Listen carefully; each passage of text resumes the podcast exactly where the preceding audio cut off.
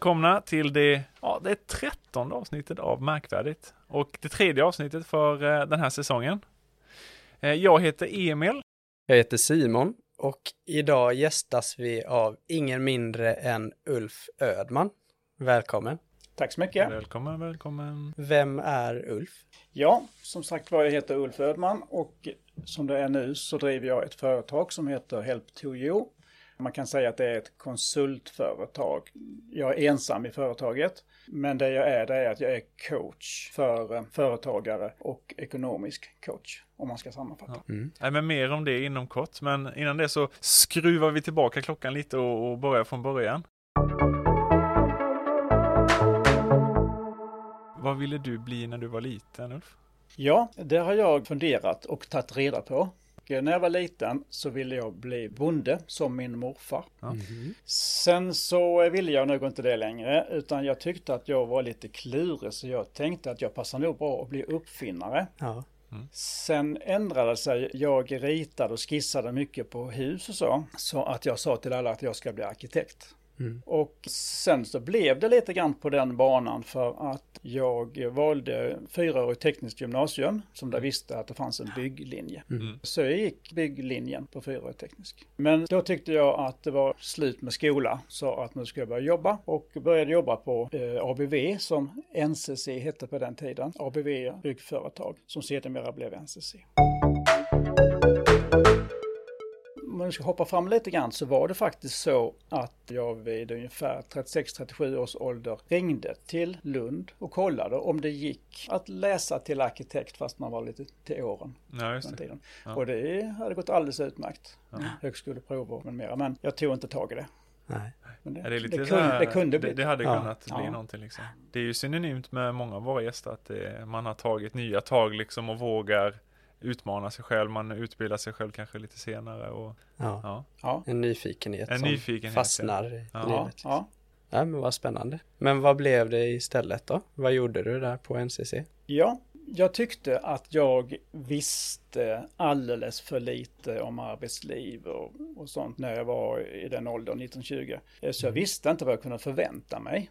Utan jag liksom sökte jobb med bygganknytning och det visade sig sen att detta var liksom ett byggarbetsledarjobb. Mm. Och då blir det i regel så att man börjar med utsättning. Man eh, fick liksom ett avvägningsinstrument och ett måttband och räkna så har ju alltid varit med en grej, matematik. Mm. Så det passar mig alldeles utmärkt projekt. Och så blir man liksom då samtidigt lite biträdande arbetsledare, så blir man arbetsledare för en grupp och sen så blev man platschef och eh, sen tyckte jag att det gick rätt så bra där i karriären så att jag blev ju entreprenadingenjör och entreprenadchef som hade kanske 12 platschefer under mig då, 80-90 mm. snickare eller byggnadsarbetare som det heter. Vilken resa. Så att jag var där i 25 år och eh, när jag började 1979 så tänkte jag då efter ett tag att här var ju fantastiskt trevligt. Så mycket man läser här på en arbetsplats jämfört med vad jag gjorde fyra år i skolan. så här kan man nog vara kvar om fem, sex år, ja. tänkte jag. För sen måste man ju ändå hoppa vidare, annars blir man ju alldeles för insnöad och inskränkt. Samma mm. företag och samma sorts jobb. Ja. Men sen fick jag så mycket nya utmaningar hela tiden. Mm. Så att eh, så fort man funderade på att sluta så fick man en ny uppgift och sen var det jätteroligt igen. Liksom. Ja. Men det låter som att du har avancerat eh, och lärt dig ja, under tidens gång. Liksom. Jag har verkligen lärt mig jättemycket under mm. den tiden. Mm. Ja, det är ju en jätteresa i sig med nya uppgifter ja. och nya roller. Och eh, sen, det som var bra med det också var ju att ett sånt stort företag har ju råd med lite utbildningar till personalen. Mm. Så jag har ju fått jättemycket utbildningar. Ledarskapsutbildningar, juridikutbildningar, ekonomiutbildningar, tidsplaneringsutbildningar. Mm. Allt. Och jag behövde det också hela tiden. Så att det liksom var ju mitt uppe i jobbet och behövde de här kunskaperna extra. Och hade jag haft de här kurserna på skolan innan hade inte gett mig någonting alls. Så att därför var det jättebra. Var det direkt till eget därefter eller har du mellanlandat någon annanstans? Det är en mycket bra fråga. jag är ju mentor för nyföretagare sådär, så att jag rekommenderar ju alltid liksom att trappa ner det ena och trappa upp det andra parallellt. För min del så blev det så här att jag jobbade fullt som eh, platschef, entreprenadchef på NCC, samtidigt som jag och en kompis byggde upp ett fastighetsbolag. Så vi mm. startade ett aktiebolag med fastigheter. Och det är ju så att det är inte självklart att man får lov att göra det samtidigt som man har en anställning. Men eh, jag fick lov till det. Så att är faktiskt så i tio år så eh, drev jag och min kompanjon ett ganska stort fastighetsbolag parallellt med att jag jobbade fulltid. Mm. Sen så ville vi utveckla fastighetsbolaget mera och lite andra bolag jag ville gå in i. Så att då hann jag inte NCC längre. Då var det liksom, trots att jag trivdes bra så blev det ändå så att jag tackade för mig. Hur hamnar man där och vad börjar man? Jag tänker så här, om det är någon där ute så, oh jag vill starta fastighetsbolag. Ja. Vad är liksom så här första grejen man behöver göra och tänka på? Då hade jag liksom haft en lustig egenhet att när jag då köpte ett litet hus som jag bodde i och sen var det för litet, då ville jag köpa ett annat hus. Ja. Då sålde jag liksom aldrig det gamla. Sen blev det samma igen, att jag skulle köpa ett annat hus. Och då sålde jag inte det heller, utan hyrde jag ut det. Mm. Och sen så ytterligare en gång så köpte jag en annan villa mm. och, och, då så delade jag upp den andra i massa lägenheter och lokaler och sen så hyrde jag ut den också. Bara på sjätte huset så hade jag inte sålt något än. alla, alla kvar. Så att jag hade liksom en rätt så stor erfarenhet av uthyrning och vad som gäller med hyreskontrakt och lagar och sånt där. Så jag kände mig rätt så varm i kläderna på den delen. Sen var det så att eh, 1993-94 var den stora fastighetskrisen. Så att man kan säga att priserna på hyreshus halverades. Så mm. det var väldigt billigt att köpa hyreshus. Men mm. ingen hade möjlighet av de dåvarande etablerade fastighetsägarna för de hade gått på miner då med räntor mm. och räntebidrag. Så de varken kunde eller fick köpa av banken. Men jag och min kompanjon, vi hade inget liksom betalningsanmärkning eller konkurser bakom oss. Så att vi var liksom de enda som kunde köpa. Mm. Så vi lämnade ju anbud på den ena konkursen efter den andra. Och vi fick inte allt, men vi fick väldigt mycket. Ja. Det vi lämnade anbud på. Liksom. Nej, vad häftigt. Ja. Jag, jag, tror många förknippar, ja men om man ska börja jobba som fastighetsförvaltare tror jag många tänker att det är en väldigt stor kostnad upfront. Att oh, jag måste ha så mycket kapital att investera för att köpa det här stora huset. Men då kan man ju faktiskt börja med, man kan börja litet och jobba sig uppåt och sen Exakt. tjäna mer och mer pengar och köpa fler fastigheter. Precis, för då hade jag hållit på 10-15 år innan liksom och byggt upp, man kan man säga värdeökningar kan man mm. nu kalla det för i de här husen jag hade innan då. Alla vet ju om man haft en villa i 10-15 år så har man i regel lite värdeökning. Mm. Så att för min del då som aldrig har sålt någon så, så har man ju lite grann att låna upp så man kan ha lite, lite kontantinsats liksom. Mm. Äger du villan fortfarande? Nej, Nej, jag äger ingen av de villorna Nej. idag. Det blev så att det hade involverades i uh, vårt aktiebolag. Även de fastigheter som min kompanjon hade involverades. För det var lättare att sköta med kontaktnät och rum och mm. alltihopa man hade då. Det var rätt så jobbigt som privatperson att ha ett kontaktnät och någon jour som kan rycka ut på lördagskvällarna och en säkring mm. är gott och allt det här. Så i bolagsform blev det betydligt mycket lättare när man har lite större mängd. Det blev rationellt att sköta mm. om man säger så. Ju så, som jag själv tycker, lite rastlös också. Liksom. Ja. Man kan inte bara liksom göra det här nu, utan nu får man göra det här också. Så, så att min eh, kompanjon då, han hade och har fortfarande ett eh, importföretag, försäljning och import av entreprenadmaskiner. Och då så sa han till mig, du vårt kompanjonskap fungerar ju så bra här med fastigheterna. Kan inte du köpa in dig så du är halva det här maskinbolaget också? Ja. Mm. För jag ville utöka och vi har chans att få nya agenturer och så vidare om vi, vi är två kanske. Ja men det, det gör jag då. Och i det läget så sa jag upp mig då från NCC. Och i samma veva så startade vi också en turistverksamhet. Turistverksamhet? Ja, vi mm. eh, köpte en eh, fem, sex hus ute i Karlshamns skärgård. Det bara blev så. Vi hade sålt lite husfastigheter och vi hade lite pengar i kassan och sen så var det en sommarstuga till salu ute i skärgården. Mm. Sa vi den skulle vi kunna köpa så kunde våra hyresgäster kunna ha den så jag vet liksom mm. ett veckoschema. Mm. Det är rätt subventionerat pris för det kan du få, få ihop. Men sen blev det fem stycken hus till salu och mm. vi lämnade anbud på alla fem och vi fick mm. alla fem.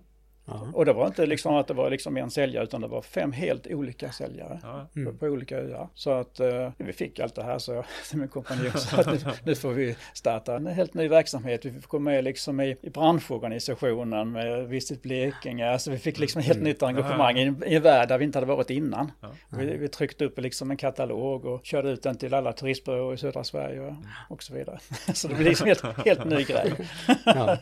Parallellt med hyresfastigheterna och kommersiella fastigheter fastigheter och eh, mycket med maskinerna då. Äger ni stugorna mm. idag fortfarande? Eller? Nej. Nej. Och det är mitt fel. Resten så säger jag bara så här, nej minsann, ja. var sak har sin liksom. tid. Ja. Och så att det, det, blev så att vi sålde av stugorna del för del. Vi drev det i 12 år och jag var delägare i maskinbolaget i 10 år. Fastighetsbolaget drev vi tillsammans i 22 år. Mm. Så runt då 2016 eh, ändrades liksom mitt yrkesliv totalt. Då liksom lades allting ner samtidigt, samtidigt som jag byggde upp det som jag har nu då. Mm. Men vad kul med flera tillfälligheter, den ena ja, efter den andra, som ledde in på ett nytt spår. Ja, exakt. Det är häftigt. Mm. Om vi skulle förvirra dig lite och hoppa i tidslinjen här. När du avslutade dina studier och gick ut och skulle titta efter din första arbetsgivare. Vad var det du letade efter hos dem då? Det, det är en jättebra fråga för jag visste inte vad jag skulle leta efter. Jag visste knappt skillnad mellan konstruktör och entreprenör och, och planerare eller sådär. Så, att, eh, så det jobbet som jag fick som, eh, man kan säga, biträdande arbetsledare, det var ju extremt allsidigt och lärorikt. Och det hade jag ingen mm. aning om när jag sökte det eller när jag fick det. Liksom. Det kunde blivit vad som helst. Jag kunde lika väl hamnat på ett ritkontor eller på en, någon eh, hjälpreda till någon byggbesiktningsman eller Mm. Kanske jobba på bygglager på Beijer eller vad, vad som helst egentligen. Alltså, ja, jag visste det knappt skillnaden. Alltså, var så dåligt bevandrad för jag hade bara liksom, jag var rätt så duktig i skolan då en period och var duktig på att läsa till prov men inget mm. annat. Så liksom. Men så är det nog väldigt vanligt, att, ja. speciellt i gymnasiet, att man har väldigt dålig koll på ja. vad arbetena faktiskt är rent Precis praktiskt. Ja men sen när du hade drivit alla de här bolagen då sa du, ja men 2016 då hände det någonting. Vad hände då? Då kan vi gå tillbaka till en annan grej här vid. Eh, man säger ett tag efter jag började jobba på NCC så hade jag liksom en alternativlista. Om jag inte skulle göra detta, vad skulle jag göra då? Mm. Jag tror att redan då för mycket länge sedan så hade jag att eh, hjälpa folk med privatekonomi hade jag på min liksom lista som jag skulle kunna jobba med. Som jag, som jag liksom alltid har brinner för. Liksom så. Och eh, byggbranschen är väldigt svängig eh, med, eh, ibland har byggbranschen i Sverige till exempel 200 000 och efter två år så är det bara 100 000. Så att det är så mycket uppsägningar hela tiden. Så att jag visste ju aldrig liksom i nästa nedkonjunktur liksom, får jag väl lov att vara kvar då eller inte. Mm. Mm. Så jag har precis klarat mig i alla de här. Men eh, jag har ju alltid haft en lista. Vad gör jag istället? Du hade ändå en plan B liksom. Ja. Så här, vad gör jag om? Jag skulle säga åtminstone en 10-lista som alla borde ha. Man ska inte vara liksom eh, skrämd om man blir uppsagd för då har man redan förberett lite grann på mm. något annat. Det är spännande att se den listan. Ja. ja. du kanske kommer ihåg några av de eh, grejerna som var på listan? Ja, eh, jag vet ju en som låg närmast till hands när jag faktiskt inte trodde att jag skulle få lov att vara kvar för det var halverades antalet anställda på eh, NCC och jag hade inte varit anställd så hemskt länge. Den här affärsidén är fantastisk och den är mycket mer fantastisk idag än vad den var då. Och det är nämligen så här att när man är byggare, platschef eller byggföretag, vad som helst, så slängs det extremt mycket byggmaterial. Ja, just det. De byggmaterialen som blir över på en byggarbetsplats är alltid ett stort bekymmer för den som håller i byggarbetsplatsen. Så att det behövs någon som åker runt och ger en liten slant för att rensa upp allt detta. Felbeställda fönster och vid en renovering så, så plockar man bort massvis som är jättebra som mm. kastas i en container som är jättedyrt eftersom då blir det blandgrej i containern blir den jättedyr att tömma mm. och så vidare. Det är mycket kostnad för att bli av med det här. När jag själv var platschef så försökte jag ibland annonsera ut på Blocket lite grann. Men den arbetstiden som går åt till det liksom, det, det går inte ihop sig. För att arbetstiden är ju så himla dyr. Kostar ju liksom 500 kronor i timmen plus moms med byggnadsarbetare som då kanske ska riva ett kök lite försiktigt så de ska kunna liksom ja, köpa. Mm. Så, så, att, eh, att vara den som ger ett bud på den här helt lastbilslast med felbeställd isolering eller, mm. eller något annat och ha det på ett stort lager och sen så sälja det till både byggföretag och till eh, sommarstugeägare på söndagarna eller något mm. annat. Och nu med det miljötänk som är nu så förvånar det mig att det inte finns ett ställe som jag direkt kan åka till och köpa ett badkar till exempel här nu då. Mm. Finns inte. Fortfarande idag. Alltså man behöver ett fönster till sommarstugan som är ungefär så eller så stort. I Danmark så är det här jättestort. Och i Sverige är vi sådana miljöbovar tack vare den höga beskattningen på löner. Så det tycker jag är en uppgift som passade mig som kunnig. Så jag har varit platschef på så många byggen och haft de här bekymren så mycket. Mm. Så att jag skulle kunna vara den som kunde ge ett pris på saker och ting och så kunde jag ha en lastbilschaufför anställd som bara hämtade. Och sen så ha en truck och sortera upp alltihopa på en stor, stort område. Mm. Delvis mm. under tak och delvis inte. Och, så. och, och jag är rätt duktig på fingertoppskänsla på prissättning och sådär mm. Det har varit häftigt att bygga liksom nya byggnader av allt det där restmaterialet. Alltså så att man har byggnader som är helt... Den, den var, ja. var bra. Man, man, ja. man, säljer inte det, man bygger upp något Jag bygger istället. upp något ja. nytt av det. Liksom. Friggebodar och... Ja. Fyra olika väggar en tegelvägg. Ja, exakt. exakt så. Ja, det är ju så de är, de nya husen. Ja, men det hade nog blivit en hit. Men, men sen landade du ju ändå då, precis som du sa här, i ekonomicoach på Help to you. Ja. Vad gör en sådan? Ja. och vad är Help to you? Det är en jättebra fråga det också, för att jag kan ju inte säga att jag är ett likadant företag som den och den, för det finns inga andra sådana företag som jag ser det. Jag tycker att skolan är väldigt dålig på att lära ut privatekonomi. Så jag får liksom ta hand om det som skolan glömde bort att lära ut. Det som man verkligen behöver i livet. Mm. Skolan kan ju lära ut så att man kan komma in och klara nästa årskurs. Det är de ju duktiga på.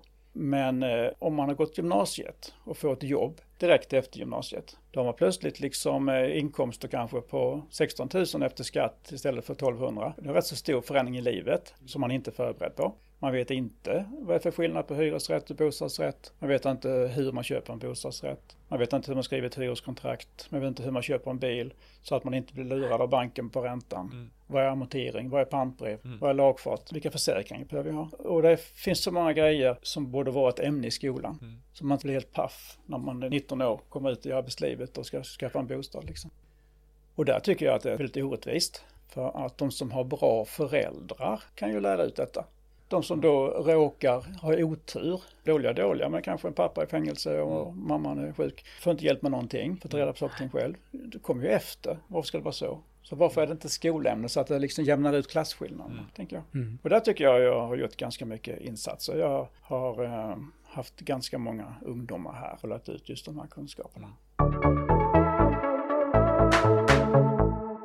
Vet, du brukar ju snacka lite om Lyxfällan, att du är lite så, kan hjälpa folk som kanske hamnat lite illa där liksom. Det är helt rätt. Man ser ju att skolans utbildning är ju liksom bristfällig. Tack mm. vare att det är så himla många unga människor och unga par som hamnar i tv-programmet Lyxfällan. Mm. Mm. Och varför ska de hamna där liksom? Det finns väl ingen anledning. För det är ju inte inkomsterna det är fel på i regel. Nej. Utan det är ju felbeteende. Så att jag har ju haft en del sådana som har varit extremt skuldbelagda. Då först och främst kan räkna ut att kan man göra någonting åt det eller är det bara skuldsanering som gäller? Mm. Och har man då kunnat göra någonting åt det så har jag ju hjälpt de personerna mm. under lång tid och betat av och brottats med Kronofogden och banker mm. och inkassobolag. Där är det ja, totalt sett sammantaget ett väldigt stort systemfel. Hade alls behövt vara så här. Det är 400 000 i Sverige som är jagade av Kronofogden. Det är helt mm. otroligt. Så det är ju en av mina grenar som du säger. Du har ju på andra delen av spektrumet också folk som är väldigt, ja, ja. som har väldigt mycket pengar. Jag har många kunder som har väldigt mycket pengar, mm. som har alldeles mycket pengar. Eh, alldeles för mycket pengar. som, man, som aldrig någonsin skulle kunna lyckas göra av med hur Nej. man gör. Där kan det ofta, tycker jag, med pengar bli ett gift. Alltså mm. liksom att hela livet går ut på liksom att uh, tjäna så mycket pengar som möjligt. Och man kanske glömmer allt annat som är runt omkring med uh, mm. familj och sin hälsa och uh, hur mycket tid lägga på det egentligen kanske ska göra något annat med min tid och så mm. vidare. Ja, lite till, lite till. Ja, lite precis. Till Speciellt ja. många företagare då som har sin identitet i sitt företag och mm. liksom driver det 60 timmar i veckan och försummar mycket annat kanske. Mm. Pengar har ingen som helst betydelse om man inte sköter sin hälsa eller Nej, sin familj eller något annat. Alltså då blir du lite av en livscoach också? Livscoach, liksom. ja. ja. Precis så. Inblandad väldigt mycket i UF-företagande också. Ja, jag sitter ju på samma kontor här som Ung Företagsamhet och som Nyföretagarna i Karlshamn. Och det gör ju att jag har blivit ännu mer involverad än vad jag från början kanske hade tänkt. Men det är ju en väldigt trevlig del av mitt arbete att få vara mentor åt UF-företag, mm. att eh, vara jury i Draknästet på mm. UF-företag, att komma ut till eh, skolor och berätta lite grann om både ekonomi och nyföretagarverksamhet. Så det har varit många delar i det och jag brukar försöka ha tre UF-företag om året, men i år så har jag ju fem stycken tre i Karlskrona och två i Ronneby. Så som jag brukar säga så jag kan lära mig mycket. Ja, ja men jag kan tänka mig att det ändå blir ett utbyte. De kommer med nya idéer. Det är precis och, så. Och liksom... Ömsesidigt ja. utbyte är det. Mm. Men om du skulle beskriva en typisk dag, ja. hur ser en sådan ut? Jag eh, förbereder ganska mycket möten. Om det ska komma någon ny nyföretagare lite grann. Så eh, skissar jag lite grann på lite grundfrågor sådär som man ska ställa för att kunna leda den här personen rätt. Mm. Sen då när jag vet det, så till nästa gång då har jag skräddarsytt ganska mycket grejer som vi ska ta upp på vårt nästa möte. Så att mm. rätt eh, saker kommer till ytan liksom. Så att eh, jag håller på ganska mycket att eh, skräddarsy eh, punkter inför olika sorters möten med olika mm. sorters mm. människor. Mm. Det är väl det jag gör när jag inte har själva mötena då, om man säger så. Mm. Och jag älskar ju att skissa på whiteboard och konferensblock. Ibland har jag ju faktiskt hembesök, så jag har det här konferensblocket, eh, det tar jag med mig i bilen och kan ja. sätta upp lite varstans. och köra lite show, som ja. man säger själv. Jag har med mig sju färger på tuschpennorna och, ja. och kan uh, rita upp både kurvor, diagram och bilder och på, på ett sätt som jag tycker att jag kan belysa olika fenomen. Du, du sa ju det eh, innan podden också att oh, alltså jag, oh, jag önskar bara jag hade kunnat rita upp på tavlan och visa för alla lyssnarna liksom eh, vad jag säger och liksom förstärka det jag säger med, ja. med, med, grafik liksom. Men, ja, ja, det får bli en annan gång. Ja. Vilka skulle du vilja säga är de största utmaningarna med ditt jobb? Ja, jag skulle nog säga att utmaningarna är faktiskt eh, de myndigheter och system som vi har. Det är det som jag brottas med. Det är ju hur skolan är uppbyggd. Att skolan jobbar för skolan och inte för elevernas framtid på något vis. Mm. Och vad gäller ekonomi så är det ju väldigt mycket Kronofogden och kassobolagen och de systemen som finns inom ekonomi som är så väldigt skeva, alltså det drabbar så hårt om man har kommit ner och fått lite skulder och sen så vill man resa sig. För det har hänt någonting nu, jag ta tag i mitt liv här, vid, nu, nu ingen tvekan. Då går inte det. Jag skulle nog vilja säga att de som jag har haft hade inte klarat det utan min hjälp jag har tvingat mig på, jag åkte till Kronofogden i Karlskrona, för att sitta där i, i, som en bur. liksom, jag måste berätta för jag verkligen ja, fick det till. Ja, ja, för jag får in en sån låst sluss. Och jag tycker att bankerna kan vara väldigt hårda och orättvisa också, att folk inte får en chans. Så att det, eh, det är många system som behöver ändras. För jag tycker det finns liksom inga problem i grunden. Men, men våra hårda system i Sverige gör att det blir problem av saker och ting. Liksom.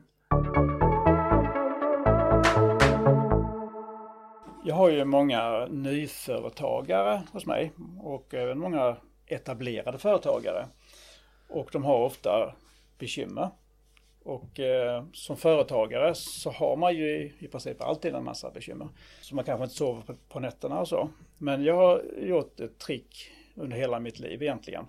Jag har skrivit upp en lista på de mina största bekymmer och sen så har jag tittat på den listan efter till exempel tre månader och då, då, ska jag titta då om det fortfarande är bekymmer eller har det löst sig? Och till 90 procent så har det ju löst sig.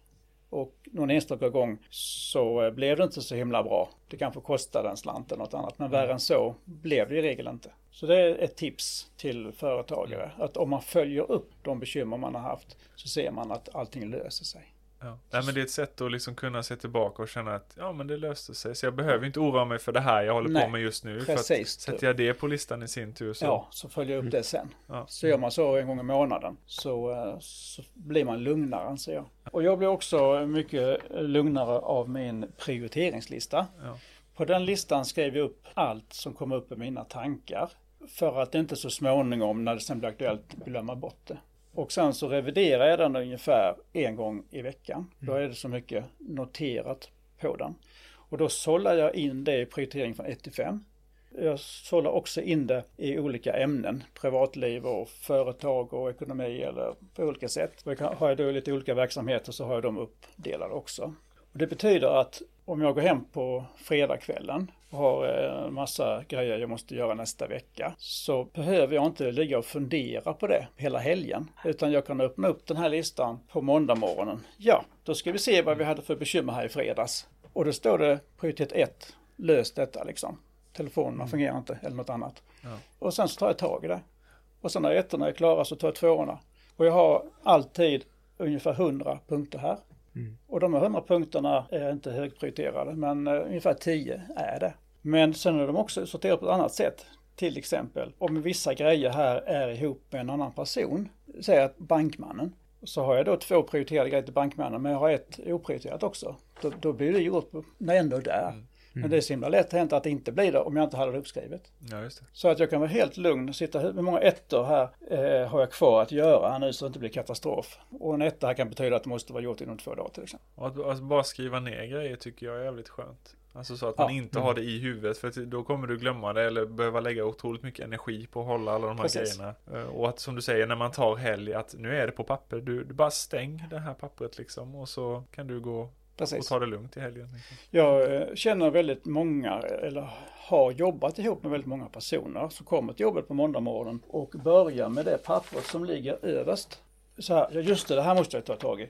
Men det är kanske det som ligger där som är superviktigt. Mm. Men det syns inte precis nu så det är inte för ögonen så därför är det som strutsen nästan, det behöver jag inte bekymra mig Jag eh, har haft den här listan i 20 år och som sagt var jag är ungefär 60 sådana listor om året. Så jag har ju 1200 sådana listor. Mm. Så jag kan ju gå in direkt och se vad hade jag för bekymmer 2014. Vad var mitt akuta att ta tag i då? Kan ja. jag bara ta en sån lista där nere eller en lila eller någonting. Ja.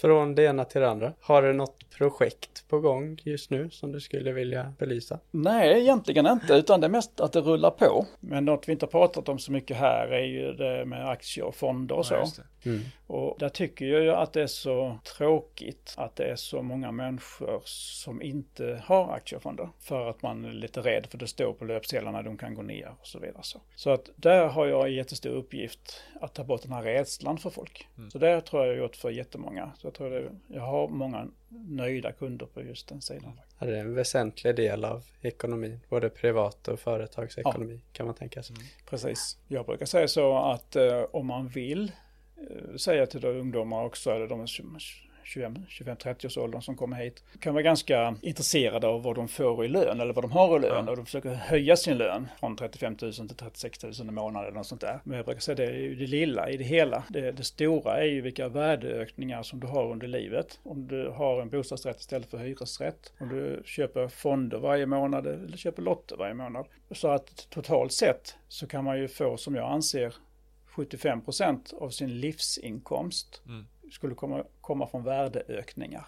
25 mm. från sin lön. Mm. Om man vill. Vad du gör med den tusenlappen, det är det som gör skillnad. Liksom. Exakt. Vad du lägger de pengarna. Ja, precis. Eller man har 35 000 i månaden mm. och sen så bor man i en hyresrätt. Mm. Och sen köper man inga fonder. Mm. Utan man eh, lever upp det och säger om man ska leva också. Naturligtvis ska man ju leva. Men eh, mm. sen så rätt som det så kanske det inte är så mycket pengar. Eller man kanske blir arbetslös under en period eller sjuk eller någonting. Har man ingen buffert heller liksom. Så det här med att månadsspara fonder det borde liksom vara en självklarhet från eh, 19 år skulle jag vilja säga. Till och med från mm. studiebidraget. Att börja spara i fonder, det är ju mm. ingenting bara för ungdomar utan det är ju verkligen för de som till exempel just gått i pension också. Mm. Alltså man kan tänka sig om man är 65, man kanske lever till man är 90 till exempel, de har ju 25 år kvar, man kan ju, mm. man kan ju nästan låtsas att man precis har fötts att det är nu livet startar. Ja. Och då kan man väl börja månadsspara i fonder. Ja. Så bygger man upp det ganska kvickt på 5-10 år därvid så har man en jättefin buffert och kan leva ännu bättre och så mm. vidare. Mm. Så det, jag tycker absolut att det är inte bara för ungdomar som ska börja spara Nej, fonder utan det gäller ju alla människor. Mm. Ja. Men om det sitter någon där ute nu som tänker, oh, fasen jag har inga aktier och jag har inga fonder. Var skulle man börja någonstans? Och vilka är dina bästa tips? Om du bara liksom får nudda ja. vid nu. Sen, sen, får man ju kontakta Ulf här om det är så att man, Precis. Att man behöver riktigt stöd liksom. Några grundtips där är ju naturligtvis då att man ska sprida. Sprida, ja. ja. Man ska sprida riskerna. Först ska man hitta bra fonder. Och det är inte så lätt, behöver man nästan lite hjälp. Och att de är bra betyder nästan ofta att de är lite mera risk än när de är dåliga. Den risken får man ta för att man kanske ändå sparar långsiktigt. Mm. Så långsiktigt är det ändå alltid bra. Och sen så har man, sparar man då i lite olika länder och branscher. Mm. Och sen så framför allt så måste man sprida tidsmässigt. Mm. Man kan inte ta de pengar man har och sätta in på en gång. Man måste lägga in det liksom lite i taget. Men om man säger då att om man är en person som har gått gymnasiet och börjat jobba, man är 19 år, man har en hyfsad lön, man eh, har inga barn, har man inte så ofta i den åldern, så tycker jag att man borde lägga undan en tredjedel av vad man tjänar. Mm.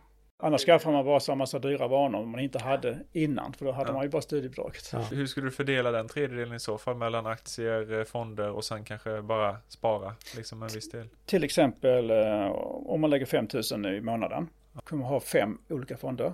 Ja. 1000 kronor i varje. Och man ska absolut inte köpa några aktier alls. Utan i det läget så är det bara fonder. Sen om man är intresserad och vill lära sig lite grann så här och tycker det är spännande. Så kan man mycket väl börja med aktier.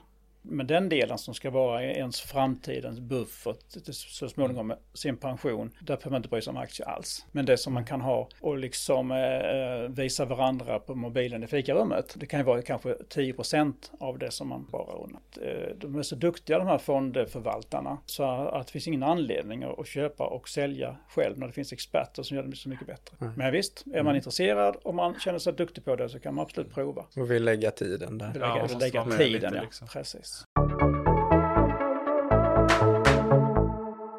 Det ena till det andra. Mm. Om du skulle anställa någon, ja. vad skulle du värdesätta högst då? Eh, det är så att jag har haft ett antal anställda innan. Mm. Dels genom NCC när jag hade stort personalansvar. Dels i mina egna företagare mm. så har jag kanske haft 12-15 eh, anställda också. Och det som jag tycker saknas är flexibilitet. Jag har ofta fått höra liksom att ja men det här ingår ju inte i mitt anställningskontrakt. Och de orden gillar jag inte alls.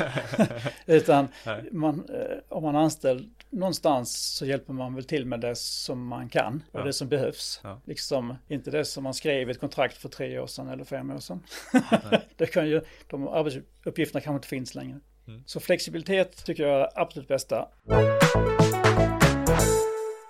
Då rullar vi snabbt in på det andra segmentet i podden. Eh, och där har ju Simon och jag som vanligt med oss, ja, någon rolig lista eller rolig jobbansökan eller jobbannons som vi berättar om. Och först ut den här gången, det är jag. Eh, och jag har med mig dagen och personen eller gästen till ära. Eh, fem roliga fakta om aktier och ekonomi. Det är jag. Och det är det unga aktiesparare som har gjort den här listan. Nummer ett då, det första bildandet av eh, aktiebolag går tillbaka ända till romartiden. Amsterdam Bank har utgivit det som det äldsta bevarade aktiebrevet från 1600-talet. Under 1800-talet bildades det många aktiebolag i Storbritannien i takt med den industriella revolutionen. Beviset för ägandet i bolaget var aktiebrev som brukade vara dekorerade med vackra utsmyckningar.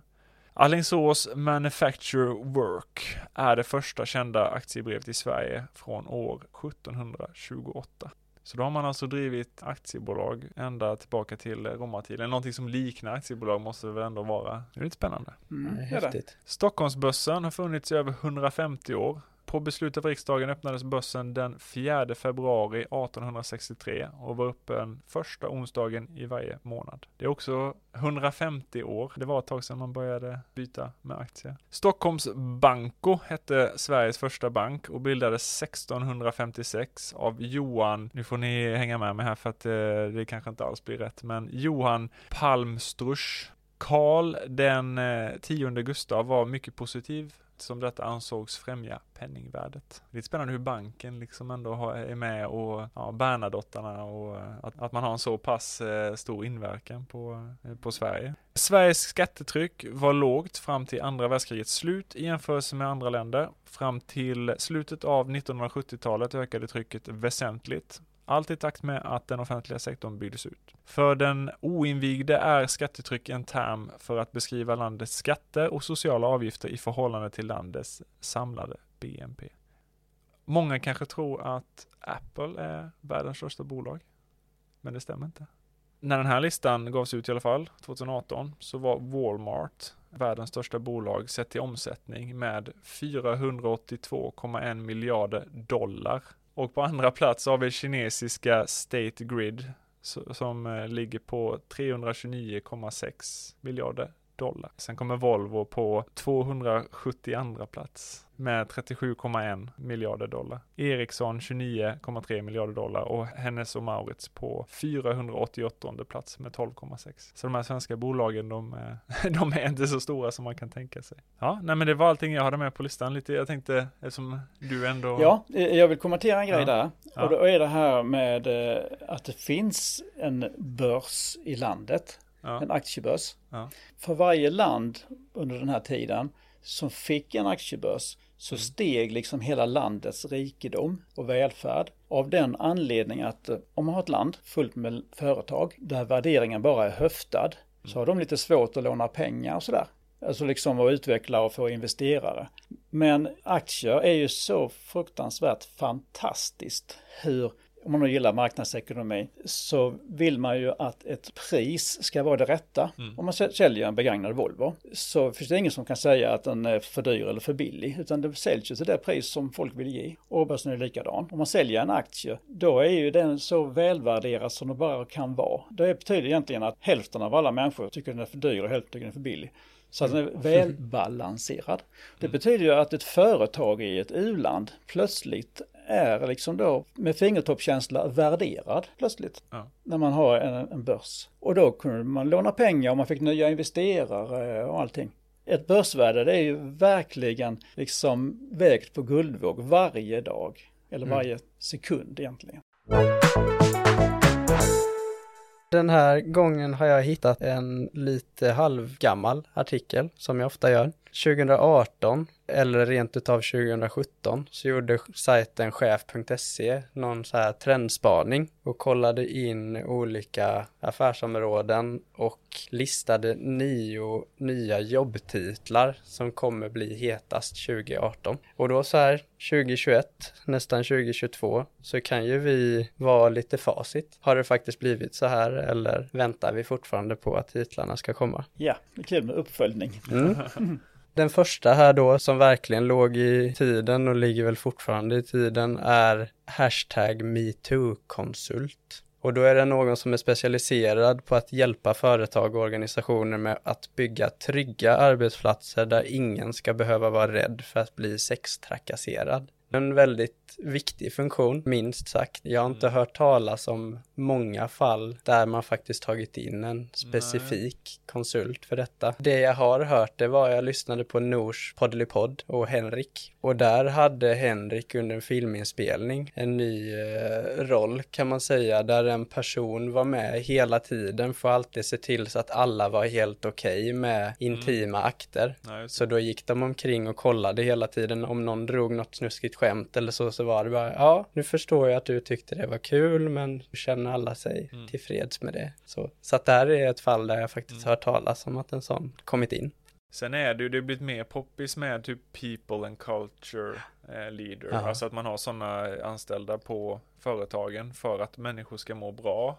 Mm. Eh, bara generellt liksom att man har en bra företagskultur där alla behandlas väl och där tror jag ändå också man har tagit upp sådana frågor mer mm. aktivt. Mm. Ja, man har nog integrerat ja. det mer i HR-arbetet. Liksom. Man kanske inte har den rollen per se liksom så här specifikt eller liksom titeln så, men att man ändå eh, har satsat mycket på det. Mm. Så det är, det är nog, det kan vi bocka av. Mm. Skulle jag vilja säga. Andra rollen, en AI-HR-chef i år väntas AI få en större del av våra liv, men nu tror man att man kan behöva en personalchef som ser till att intelligensen också nyttjas till sin fulla potential på arbetsplatsen. Svårt att se vad som hänt där. Ja. Vi kanske har en HR-chef någonstans, så man vet inte. Ja. Kanske är någon som lyssnar där ute som har en AI HR-chef. Ja, precis. Se till så robotarna har det bra. Sen har vi en strategisk trollkar i en värld som går allt snabbare kan det behövas en strateg på arbetsplatsen som vid problem nästan kan behöva trollkunskaper och hitta oväntade lösningar. Utanför boxen. Ja. Nej men det finns ju, ja, vi, vi har ju sett det någonstans, folk som söker en ninja till exempel, eller folk som har mm. titeln ninja. Och det är oftast de personer som bara, de kan väldigt mycket och så kommer de in och löser problem liksom. Ja, man kan inte sätta namn på rollen Nej. riktigt. Nej men precis humörsledare. Förändringar kan vara roliga och spännande men också ta energi från medarbetarna. Därför kan den där jobbtiteln dyka upp på arbetsplatsen med syftet att motivera och se till att medarbetarna mår bra. För att lyckas krävs då kunskap att snabbt kunna hitta lösningar på problem som uppstår i en snabbrörlig värld. Det känns också som något som har integrerats i flera olika chefsroller snarare än att man utser en specifik. Men du hade ju någon sån här at atmosphere eh, leader eller något på typ Massive som bara gick omkring och hade som jobb att alla bara skulle ha det skulle gött. Bra, liksom. Liksom. Ja. ja, det är bra. Ja. Det är jättebra. Ja. Då ska man en bra anda. Ja, och då precis. jobbar man bättre. Då blir mer gjort liksom. Mm. Sen har vi en hologramoperatör. Redan har vi fått se den framlidne rapparen Tupac uppträda genom hologramteknik. I år spås det bli ännu vanligare att vi blandar in det tredimensionella i vår verklighet och då behövs det någon som skapar dessa upplevelser. Jo men det blir nog mer och mer och jag menar någon måste ju faktiskt sköta de där konserterna. Jag vet att, vet de Gorillas har ju haft eh, sådana konserter i, jag vet inte hur länge. Jag vet inte om de var först med det men de, de var ju väldigt tidigare med någon slags hologram. Det har blivit mer och mer poppis och då måste ju någon göra det. Jag vet inte om man söker jobbet men det, det, borde ju finnas folk som jobbar med det och i allt större utbredning. Ja, nej precis. Men slutligen, någon som de verkligen ovisst, tror jag, satte huvudet på spiken. Där har vi en outdoor office developer. De säger så här, distansarbete blir allt vanligare, både för medarbetare och för chefer. Men hur klarar vi egentligen av förflyttningen från att sitta på samma kontor till att ha kontakt via Skype? Det här ska den yrkesgruppen behöva hjälpa organisationer att styra upp. Mm. Och det visste man väl inte här, men det blev ju mer aktuellt än något någonsin. Ja, ja. ja. Så där avslutar vi på, på topp, får man ja. säga. Då sitter man hemma i en dålig arbetsställning med för lite skrivbord ja. och för dåligt ljus. Ja, ja precis. Mm. Ja, men precis. Men det är många anställda som har skickat ut både skrivbord och stolar och allting hem till folk. Ja. Så det, det, det, är inte dumt. Det sitter en outdoor office developer och ja. klickar ut. Och klickar ut massa skrivbord. Mm, det var det jag hade med mig. Guldkornen i listan. Vi tar och börjar avrunda där. Men eh, om man vill komma i kontakt med dig Ulf, ja. vad gör man det lättast då? Då finns jag i Karlshamn och mitt företag heter som sagt var Help to you. Då har jag till exempel en uh, mailadress ulf at helptoyou.se. Jag har även en hemsida och den är jättedålig men jag har en tjej som ska hjälpa mig att göra en ny fin hemsida ja. och den heter www.helptoyou.se. Mm. Och som vanligt så hittar ni oss på våra sociala, sociala kanaler. Att markvarditpodd. Och vill ni nå oss så når ni oss på vår mejladress markvarditpodd@gmail.com. Först så får vi tacka dig Ulf så hemskt mycket för att du gästar det här avsnittet. Jag tackar också. Och stort tack till er som har lyssnat på det här avsnittet. Ha det fint! Ha det så bra! Hej då!